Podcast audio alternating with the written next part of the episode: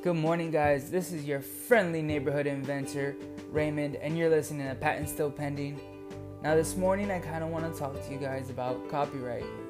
I'm going to go over it briefly because I think it's really good that we get all the basic understanding out the way before we kind of further our journey along, right? Because it's really important to know the difference, especially when it comes to inventors.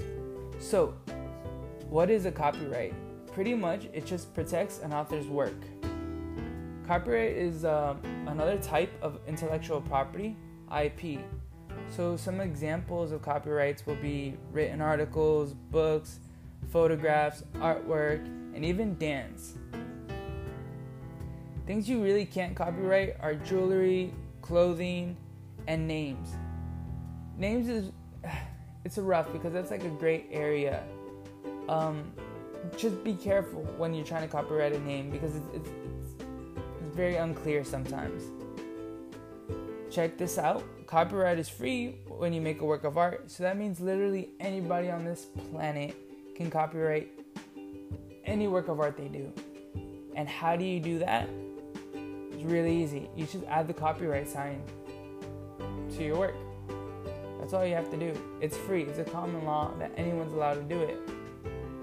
So you're probably wondering to yourself, so why do people even file for the copyright then? Like why do they pay money to get their stuff like copyrighted? And what that does is when you do actually file it, it allows you to sue for more damages, which pretty much damage just means for more money. So anyone that infringes on your copyright, you could sue them for a larger amount of money.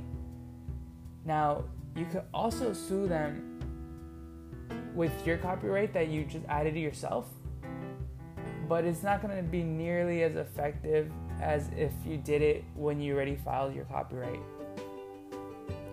You can actually file your uh, copyright by yourself at copyright.gov. Real simple step, not really hard to do.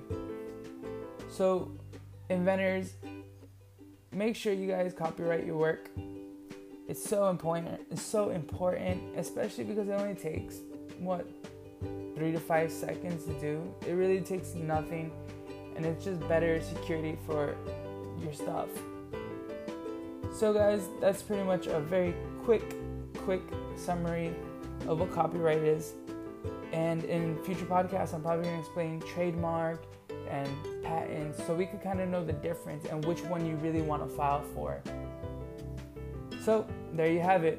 I'm Raymond, and this is Patent Still Pending.